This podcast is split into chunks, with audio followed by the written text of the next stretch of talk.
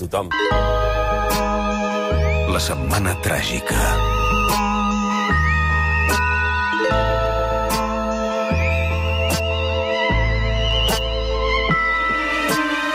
A Londres, Ion Sindreu, periodista columnista del Wall Street Journal. Bon dia, Ion. Bon dia. Això és la setmana tràgica. Avui, amb un sol individu. Des d'aquí una forta abraçada al professor Toni Rodon. Eh, una ràpida recuperació pel, pel Toni, que desitgem, eh, Ion? Sí, sí, sí. Es veu que no, no es troba bé. No es troba bé i, i menys després del que va veure ahir la nit amb el Barça, crec. No, crec que tots, eh, tots ens vam trobar bastant malament, eh, després de veure aquell espectacle. Et vaig veure molt actiu a Twitter, eh, Ion, amb, amb aquell espectacle dantesc, eh? Sí, és que vaig trobar que, que realment, eh, més enllà d'altres factors, eh, es van veure molt eh, les carències del plantejament tàctic i és curiós que, no, que a vegades no se'n parli més, però bé... Um... Coincideixes amb el, amb el Jordi Puntí, que és el nostre home Barça del, del suplement, que també apuntava això, no? que potser eh, Koeman és un gran entrenador eh, també de portes en fora a l'hora de donar missatge i de gestionar potser el vestidor, però de la part tàctica eh, deia el Jordi Puntí que anava una mica més coix. Sí, de moment jo crec que el que hem vist, eh, aquell, el, el 4-2-3 uquet és bastant atroç, eh? Jo, però bé, en fi, ho deixarem pels especialistes. Ho deixarem però... pels especialistes, sí.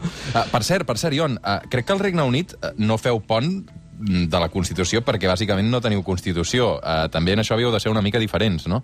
Uh, sí, però el que tenim és, no sé si ho saps, això és l'aniversari de la reina.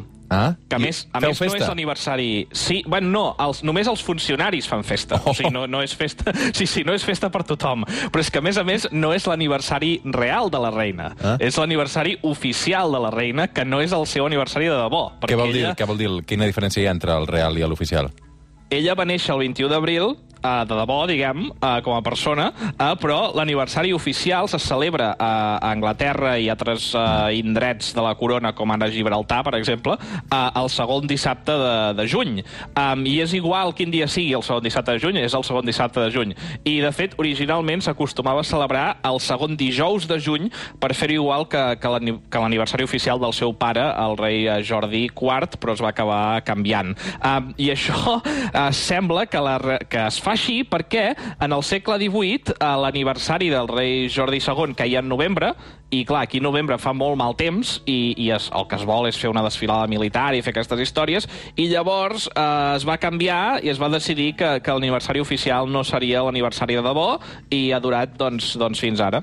déu nhi Doncs mira, això que m'expliques em va molt, molt, molt bé per, per introduir el tema d'avui, perquè avui precisament parlem d'aniversaris, i no de la Constitució, eh, sinó dels aniversaris i dels efectes que té bàsicament, o els no efectes, ara ho analitzarem, que té néixer un dia i una època determinada de l'any. És a dir, és el mateix néixer a principis d'any que a finals d'any? És el mateix néixer a l'estiu que a l'hivern? L'Aleix no ho sap, però és el primer català dels anys 20 del segle XXI a Catalunya. Una proesa que els seus pares tampoc no s'esperaven. De fet, havia d'arribar el dia 27. Aquesta és la famosa notícia del primer nadó de l'any. I aquí no, no vull que parlem d'horòscops ni de res d'això, eh, Ion? Sinó amb dades empíriques si és rellevant o no el mes de l'any en què naixem, en la posició que ocupem, en el partit que votem, en els eh, guanys econòmics que tenim, en l'èxit de, de, laboral d'un costat eh, i personal de l'altre, eh, perquè d'això també hi ha estudis i, i hi ha molta gent, de fet, que tu si poses, eh, eh, busques a la xarxa eh, el 90% dels resultats del Google quan poses néixer gener són de pàgines precisament de bebès especulant sobre si és millor tenir els nens el mes de gener o el mes de desembre. Sí, sí, sí, sí, sí, sí. n'hi ha molts, i clar, com que hi ha molts estudis per allà, eh, no? Eh, si tu busques, per exemple, jo vaig, jo vaig estar cercant i vaig trobar, vaig ensopegar amb una web americana eh, d'un portal dedicat a l'educació, que bàsicament serveix perquè eh, les famílies americanes doncs, sàpiguen on portar els fills, etc. I van fer com un petit sumari amb tota la recerca eh, que relaciona el mes de l'any en què neixes no? i els potencials eh, problemes eh, a nivell mèdic. I, i realment la llista és, és curiosa, eh? perquè diu gener, diu eh, major risc de, de malaltia de Crohn, epilèpsia i Alzheimer. Febrer, major risc de morir per càncer de pulmó. Març, major risc de, de, de, de certes malalties del cor. Abril, alcoholisme i, i desordres alimentaris. Maig, uh, això sí, diu maig, diu menys risc uh, per desenvolupar malalties cròniques. Uh, juny, major risc per problemes de visió. Juliol, autisme. Agost, uh, ser un estudiant problemàtic. Setembre, uh, diu, uh, viuràs més de 100 anys. Uh, octobre, octubre uh, doncs sembla que aquí són les infeccions de pit i que uh, les infeccions de, de, a través d'insectes. Novembre es veu que eh, també problemes de cor i càncer. I desembre eh, diu eh, menor risc per al·lèrgies i asma. Per tant, fixa't que en general, eh, malament, eh, neixis quan neixis, però hi ha tres mesos que estan millor. El desembre, són, no? El desembre, el maig i eh, el setembre, que és aquell en què si neix al setembre es veu que, que vius fins que siguis, eh, tinguis més de 100 anys. Centenari. Però escolta'm, quina mena de lògica té això que m'estàs explicant? Eh, clar, té una lògica relativa, no? És a dir, eh, tot això, evidentment, ve d'estudis que s'han fet, eh, però eh, com aquí, aquí, per exemple, a mi em passa molt, eh, cobrint els mercats financers, eh, rebo doncs, moltes vegades doncs, molta recerca que em diu mira, tal mes de l'any, tal dia de la setmana, resulta que les accions pugen molt o baixen molt, i això està tot basat en trobar relacions estadísticament significatives amb què ha passat al llarg de la història. Um, per exemple, no sé si tu has sentit mai això que en diuen, uh, en anglès diuen sell in May and go away. No, no sé. Vol dir que, que, que si, si tens diners a borsa, uh -huh. al maig tendeix, tendeixes a perdre diners. Uh -huh. I tu, tu ho investigues i sembla que això es confirma. No només això, sinó que en general és millor invertir de novembre a abril que de maig a octubre. I això es fa en estudis i surt que és efectivament molt estadísticament eh, significatiu. Um, però no té cap mena de sentit perquè no se sap per què passa, no hi ha cap motiu, um, i a més a més, si realment passa, com és que la gent no es dedica a comprar accions quan estan devaluades al maig i fer-se d'or. No té cap mena de sentit, no?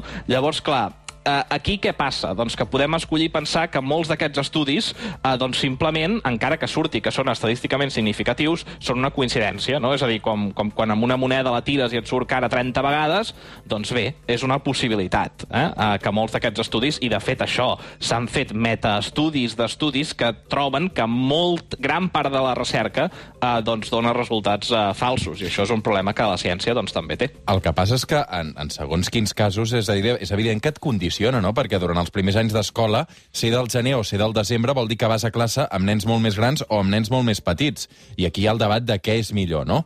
Ser dels últims de la classe però no amb gent més gran i així t'espaviles, o ser dels més espavilats perquè per edat eh, ets del mes de gener? Sí, aquí un estudi que es va fer famosíssim, uh, i no sé si el recordaràs, és perquè va sortir el, el 2005 en un llibre de divulgació econòmica molt popular que es deia Freakonomics, mm. uh, i que, que és una mica uh, intentar aplicar conceptes econòmics a incògnites del dia a dia.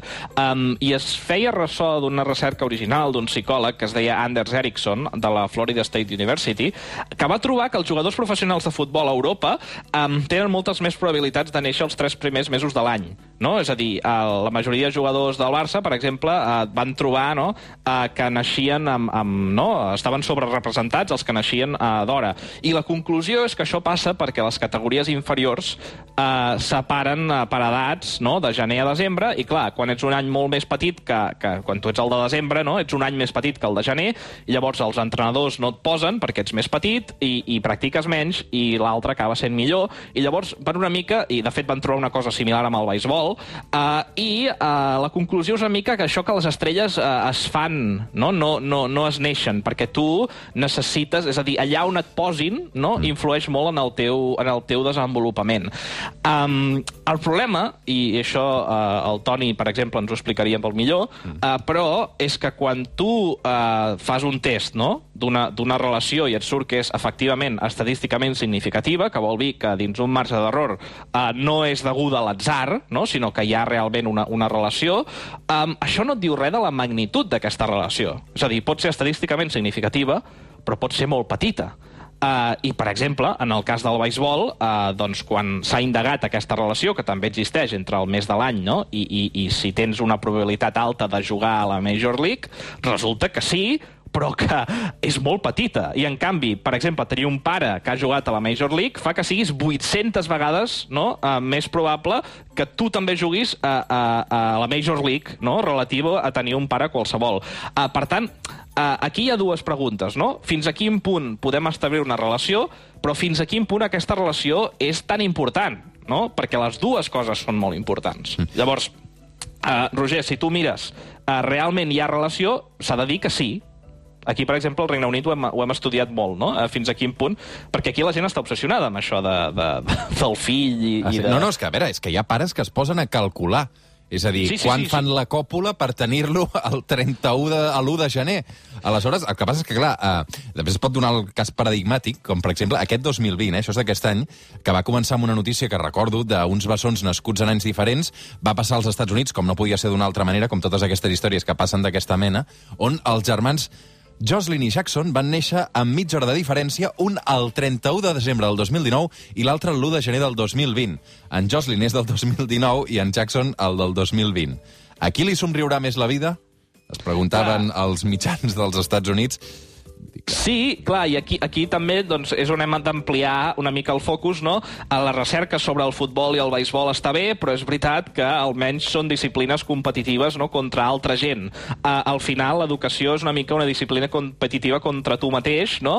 Uh, I sí, és veritat, els estudis troben que que és cert que en el, en el Jackson, no? que és el que va néixer al gener, uh, doncs sembla que la vida li, li somriurà més. Com dic, aquí al Regne Unit, per exemple, s'han fet uh, molts estudis, començant un de molt famós el 1986 de dos professors de psicologia de Londres i van trobar, després d'estudiar de, de, uns 300.000 eh, nens britànics, que efectivament eh, doncs, eh, sembla que els, els, els nens no, que són més, més grans dins el mateix grup doncs tendeixen a, a tenir uns avantatges i els hi va millor la vida, eh, especialment quan això es mesura eh, per tests oficials, perquè aquí, aquí a Anglaterra n'hi ha més de tests oficials dels que, dels que hi ha eh, allà a Catalunya. No? N'hi ha a diferents nivells te'n fan diferents.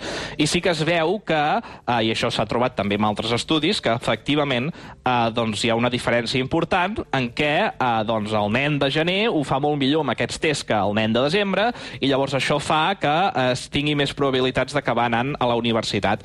Um, una vegada a la universitat sembla que aquest efecte desapareix, no?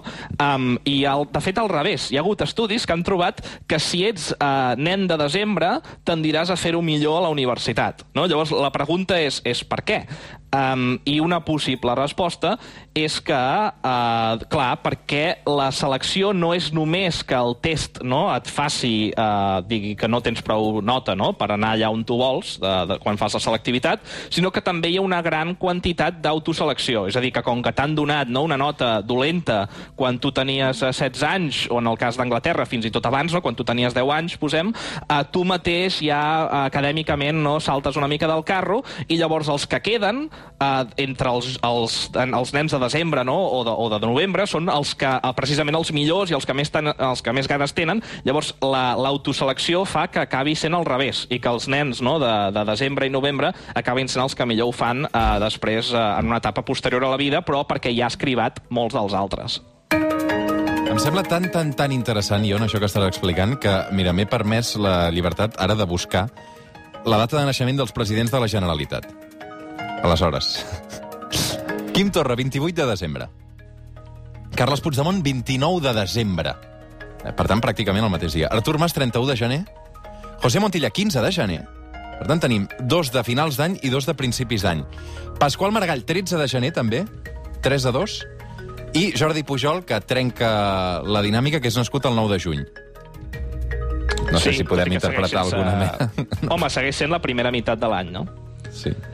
Home, eh, si, si assumeixes que efectivament no, la, la meritocràcia està en el cor de la selecció de les elites, doncs uh, potser sí. Um, no, però, però uh, aquí, per exemple, uh, és un tema interessant, no? perquè el que sí sabem és que uh, hi ha una relació important entre el, el nivell educatiu no? I la teva capacitat doncs, de, de, de, de cobrar més en el futur, de tenir menys atur o d'arribar a posicions eh, significatives de poder i responsabilitat, no, en aquest cas eh, la presidència de la, de la Generalitat. Um, la qual cosa no vol dir, eh, i això a vegades es confon, que socialment eh, més educació sempre sigui millor això a vegades sempre es diu no? que tots tinguem màsters, que tots tinguem postgraus. No, perquè això al final és una cursa. No? Això no, no vol dir que necessàriament siguis més intel·ligent. No? El fet de que acabis cobrant més no ve de la teva intel·ligència tant com ve del fet de que li estàs perdent la feina a l'altre nen no? que no ha arribat a tenir el màster i el postgrau i això molt sovint no és per habilitat, sinó que és per moltes altres coses, com per exemple el, el poder socioeconòmic. Mm. I en el cas polític, ja sé que és el terreny del Rodon, eh, aquest, però eh, aquestes estadístiques i aquests estudis que s'han fet té alguna mena de correlació l'època o el mes de l'any en què naixem amb el comportament electoral? Um, bé, uh, que jo sàpiga no, no, no hauria de tenir massa sentit i això aquí és on hauríem de buscar si, si el Rodon, uh, diguem-ne, li troba més significació no, a aquest tipus d'estudis. De, jo personalment uh, sóc una mica escèptic no, de, que, de que això pugui afectar significativament. Um, I després, a més, aquí, i aquí és el, el, és molt important remarcar això que dèiem, eh, això de, dels jugadors de futbol i beisbol, um, d'acord, es troba un efecte estadístic, però quin és uh, no, els, els efectes dades importants sobre el teu futur són el mes que has nascut? La resposta és no. És a dir, el, i aquí, mira, fins i tot fins i tot us puc portar dades de, dades de Catalunya, si us interessa, que I això tant, eh, sí. no és habitual. Però eh, jo tinc uns amics que, que fan una cosa que es diu el projecte Òrbita, eh, que es dedica a fer recerca i innovació eh, de l'educació a Catalunya, no? i fan una, mena de, fan una sèrie de tests pa, amb, amb una sèrie d'escoles per identificar les necessitats d'aprenentatge. I els hi vaig demanar, quan em vas eh, no, demanar fer aquesta secció, eh, que m'enviessin si havien trobat ells eh, dades interessants sobre el tema. I el que, el que han trobat, per exemple, és que el nivell socioeconòmic prediu aproximadament un 40% de la variança del rendiment escolar. Um, de fet, uh, si tu mires no, uh, quin és l'impacte de la població migrada sobre l'escola, no, el fet de que la teva escola tingui molts immigrants, uh, també es troba que és molt significatiu, però que està relacionat amb el nivell socioeconòmic. No? En el moment en què tu corregeixes per això, uh, ja no importa. I, eh, de fet, eh, també troben que hi ha fins a dos anys de diferència en rendiment escolar no? mitjà d'escoles de més a menys rendiment escolar. Per tant, és significatiu. Um, I això encaixa amb els estudis que s'han fet al Regne Unit, també, uh, perquè troben que aquest efecte que diem no? de, de si has nascut al gener o has nascut al desembre tendeix a desaparèixer a mesura que el teu nivell socioeconòmic o el dels teus pares augmenta. Per tant, és un efecte que sobretot afecta als alumnes pobres. Um, llavors, clar, aquí quan, es, quan comencem a analitzar, ostres, com podem corregir això del mes de l'any, no? Perquè aquí a, a Anglaterra s'han fet molts estudis i molts anàlisis i la gent diu, home, potser hauríem de fer menys tests oficials, és una opció, no? Uh, potser hauríem de corregir la nota d'aquests tests segons el mes de l'any. Uh, hi ha diferents probabilitats uh, de, de com et sortirien els resultats no? si tu apliquessis tota aquesta sèrie d'històries. Però al final, uh, tot això és una mica no? Uh, centrar-nos uh, en el menys important. No? Eh, el més important aquí és que el nivell socioeconòmic influeix molt en, el teu, en els teus resultats eh, en el futur. I eh, l'impacte de, de quan has nascut a l'any és molt petit i és més, encara és més petit si es corregeix eh, per al nivell socioeconòmic dels teus pares. Eh, per tant, segurament mm. hauríem d'intentar no obsessionar-nos en quan tenir els fills i intentar eh, no millorar eh, la igualtat econòmica dins la nostra societat. Interessantíssim avui un capítol més de la Setmana Tràgica Fantàstica, el Ion Sindreu, eh, que tot sol eh, ho ha fet eh, molt, molt bé. Última pregunta, Ion. Per sí. tant, si mai tu decideixes tenir fills, entenc que no faràs càlculs, eh? No, no, no, no. En principi no, no, faríem, no faríem càlculs, eh, perquè, com dic, si després mires el calendari d'efectes eh, de salut, et, et, et poses les mans al cap, eh? perquè si no, si no encertes el maig, setembre o desembre, l'has cagat, eh, perquè està ja, ja, eh, sigui que... De, de quin mes ets tu, per cert? De quin mes ets tu? Jo sóc del maig, o sigui que jo estic uh, fantàstic. I, a més a més, uh, sóc del 15M. Ah, molt bé, molt bé. Per tant, no sé si això és, és significatiu, però, però sí, sí. Um, en tot cas, uh, lamento uh, no haver aprofundit més en el tema polític, eh? perquè això és el, el camp Li deixarem el rodon que el diumenge que ve segur que ens acompanyarà. Gràcies, Ton, uh, gràcies, Ion. Una versada ben forta. Cuida't cap a Londres. Vagi bé. Fem una petita pausa i de seguida el suplement una història interessantíssima, una història potentíssima, tinc a les meves mans uh, l'última novel·la gràfica del Miguel Gallardo, Algo extraño me pasó camino de casa, aquest uh, dibuixant barceloní, que ha retratat en forma de, de llibre el que li ha passat aquest últim any enmig d'una pandèmia, doncs també li van trobar uh, un tumor. De seguida en parlem, ens explica aquesta història. uh, una història de superació també amb, amb final feliç. Ara tornem.